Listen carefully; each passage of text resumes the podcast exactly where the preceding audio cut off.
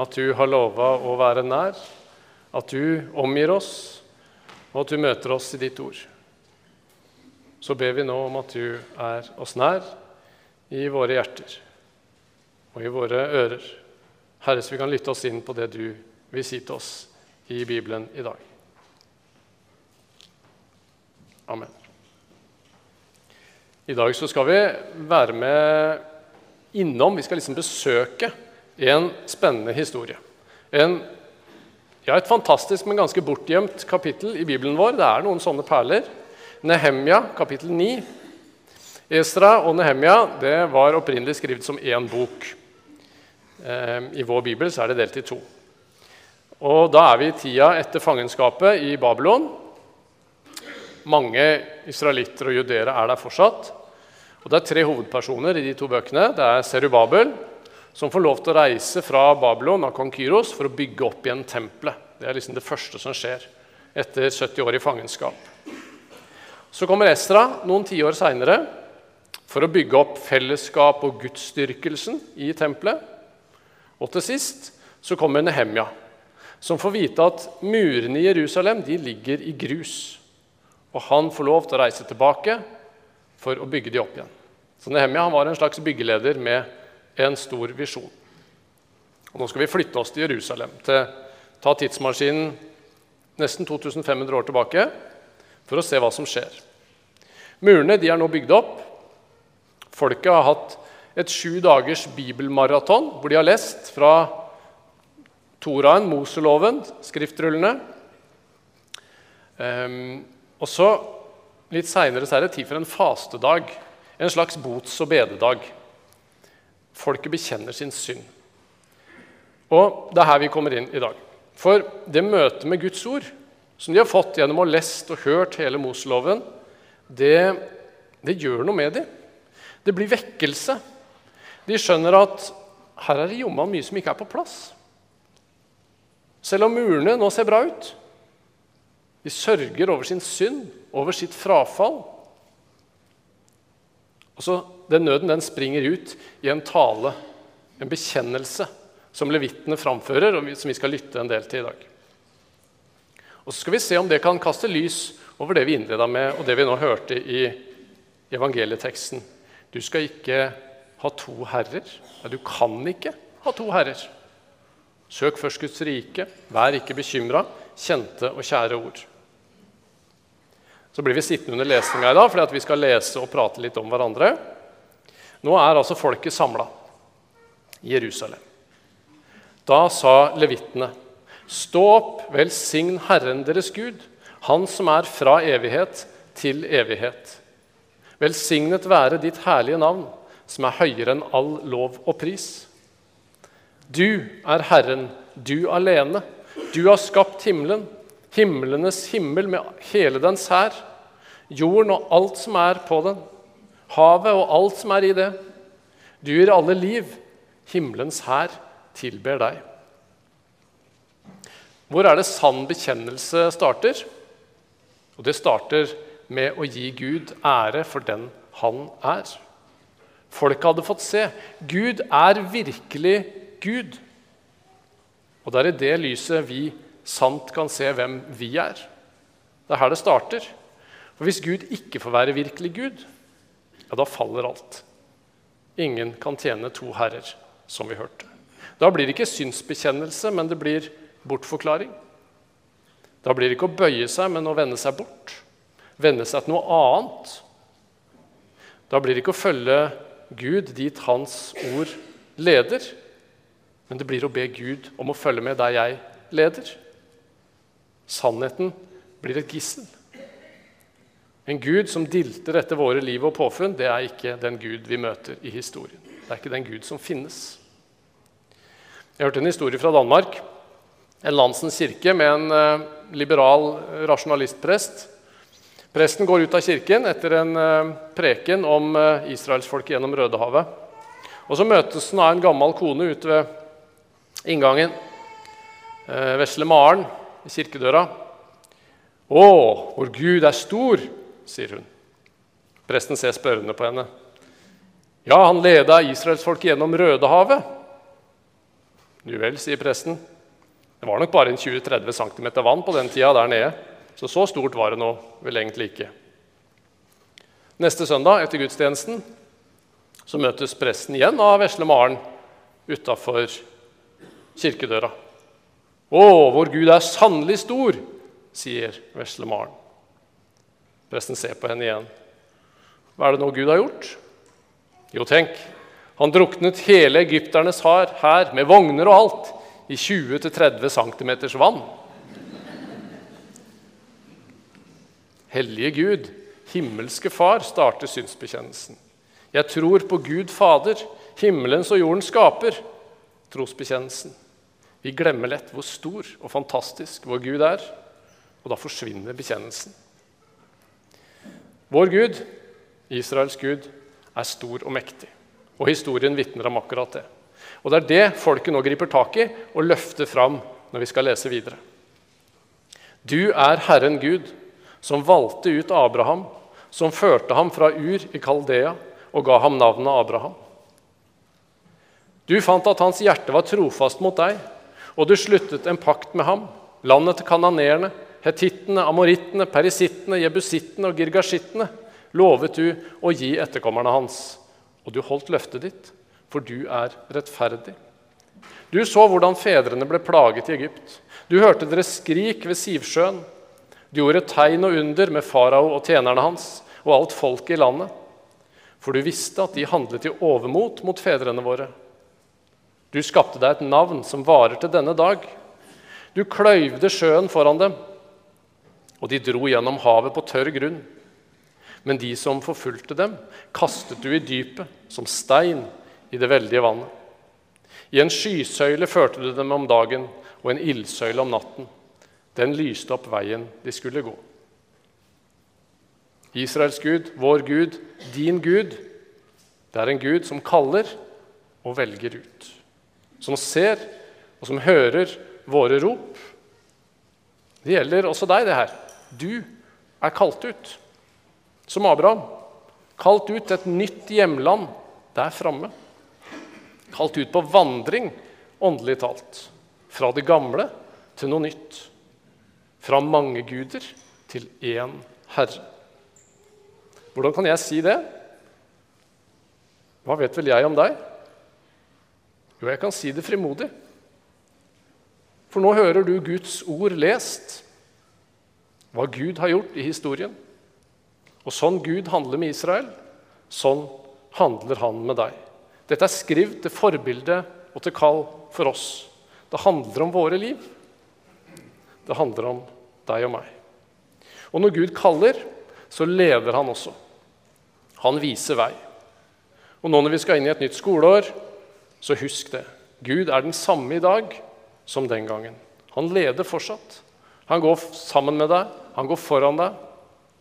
Hans ord leder deg også når du går gjennom ødemark i ditt liv, som folket måtte gjøre mye av.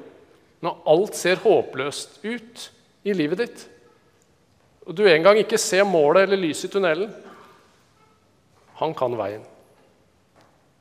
Og dette fortsetter nå folket å minnes. Du steg ned på Sinai-fjellet og talte til dem fra himmelen. Du ga dem rette ordninger, sanne lover, gode forskrifter og bud. Din hellige sabbat kunngjorde du. Bud, forskrifter og lov ga du dem gjennom Moses, din tjener. Brød fra himmelen ga du dem mot sulten, og vann lot du strømme fra klippen mot tørsten. Du ba dem dra inn og ta landet i eie, det som du med løftet hånd hadde lovet dem. Men de var hovmodige og stivnakket, fedrene våre. De hørte ikke på dine bud. De nektet å høre og husket ikke dine under, som du hadde gjort for dem. De var stivnakket og tok seg en leder for å vende tilbake til slaveriet i Egypt. Gud hadde lagt åpent det lovede land. Han hadde forberedt målet. Ørkenen lå der ubarmhjertig, men Gud sendte mat og vann. Fiendene så store og kraftige ut, men Gud hadde allerede gjort seieren klar. Og så, i stedet for å huske på hvem Gud var, hvem han er, og hva han hadde gjort, så begynte folk å se mot Egypt igjen. De ville lede Gud og ikke selv la seg lede. Gud kunne jo egentlig seile i sin egen sjø. Egypt har jo sine egne guder, de. Denne historien snakker til oss i dag òg. Når du går gjennom motgang og fiendtlig terreng i ditt liv, når samfunnet rundt oss ser fiendtlig ut, når ideologier reiser seg mot Gud og mot skaperverket Se på Gud. Han har lagt en seiersplan. Den slår ikke feil, den. Selv om du ser ørken på begge sider og høyreiste fiender. Det ligger så lett for oss å velge vår egen vei, den som går utenom Guds bud, utenom Guds ledelse, utenom Hans vilje, og glemme alt det gode Han har gjort mot oss og våre forfedre. Det er som om Nehemia og folket de tar nå alt dette her på sine skuldre. Erkjenner både for seg sjøl og for andre, for hele folket. Og så kommer det som gir de håp og trøst. Men du er en Gud som tilgir. Du er nådig og barmhjertig. Sen til vrede og rik på miskunn. Og du forlot dem ikke. Du forlot dem ikke. Gang på gang lyder det til Israel gjennom historien. Og sånn også i dag. Gud tilgir. Ennå er nådens tid. Kom, lyder kallet. Kom, følg meg, bli hos meg. De støpte seg også en kalv og sa, 'Dette er din Gud, som førte deg opp fra Egypt.' Og de spottet grovt. Men i din store barmhjertighet forlot du dem ikke i ørkenen. Skysøylen vek ikke fra dem om dagen, men førte dem på veien. Og ildsøylen vek ikke fra dem om natten, men lyste opp veien de skulle gå. Du ga dem din gode ånd for at de skulle få visdom. Du nektet dem ikke manna til mat og ga dem vann mot tørsten. Du sørget for dem i 40 år. I ørkenen manglet de ikke noe. Klærne deres ble ikke utslitt, og føttene hovnet ikke opp. Det er ikke bare fuglene på marken, nei, liljene som er på marken, som regel, og fuglene under himmelen som Gud sørger for. Nei, Jesus henter det han sier, fra historien. Dette skjedde også med Israel. Folket fortsetter å bekjenne. De ber seg gjennom historien. Kan gjerne lese resten av kapittel 9 hjemme i kveld. Og Bekjennelsen avsluttes med disse ordene Vi er i stor nød. Jeg vet ikke hvordan historien om ditt liv er. Det kan være det er noen likhetstrekk med Israels historie. Gud som gang på gang gir nye muligheter og kall til etterfølgelse. Og vi som stadig tar opp kompasset fra lomma og setter en annen kurs. Kanskje en kurs tilbake til sofaen. Hva vet jeg. En Gud som leder ut av slaveriet, ut av avhengighet, ut av skadelige vaner. Men jeg som har lyst til å reise tilbake igjen. Vekkelsen på Nehemjas tid den falt faktisk sammen som et korthus etter hvert. For veldig mange. Sånn er vi mennesker. Nehemja reiste bort en stund, og når han kom tilbake, så var gudløsheten i full sving. Det er sånn vi mennesker er. Våre skippertak, våre gode forsetter, det varer bare så lenge. Hjertet er det samme. Men profetene de vitner samtidig om at det skal skje noe nytt. Gud har en plan. Jomfruen skal bli med barn. Gud skal skape liv der det ikke er grunnlag for liv. Gi nye hjerter øse ut sin ånd. Gud skulle sjøl stige ned til oss, inkarneres, bli menneske, for å ta dine syndebyrder på sine skuldre, ditt frafall og ditt svik. For å male ut hvordan et liv i Guds rike ser ut. Tjeneste. For å gi deg sin ånd og sin kraft. Han kom for å vise at Gud, ja, han er sannelig en stor og opphøyd og mektig Gud. Han er også hos deg som er knust og nedbøyd i ånden, som har bruk for en frelser og en herre, ja, som er i nød. Når Jesus sitter på et fjell og så holder han sin bergpreken til disiplene og folket som er rundt, som Sunniva leste fra, så er det en samla bibelhistorie som vitner sammen med Jesus. Det er sant. Gud er Gud, og Jesus er frelser og herre. Grip tak i det som din største skatt. Og da blir det bekjennelse. Det blir synsbekjennelse fordi du får se hvem du er i møte med en hellig Gud. Og det blir trosbekjennelse, for denne treenige Gud vil ha oss som barn, som Jesus vil ha som sin bror. Det er ufattelig store ting. Vi får se hvem Gud er. Og i det her er friheten. Jeg får leve i sannhet. Jeg trenger ikke skjule noe for Gud. Jeg kan komme med hele meg, med alle mine problemer. Når Jesus får være herre, så innebærer det at han tar ansvaret.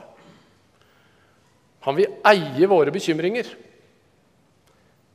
Vi trenger ikke å tviholde på bekymringene våre. Ja, de vil komme, og vi vil kjenne på dem. Men vi kan samtidig holde opp det vi vet.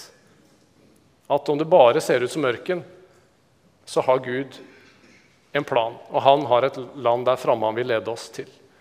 Og han har oaser på veien. Han taler vår sak. Han vil lyse opp veien vi skal gå. Han har brød fra himmelen, levende vann.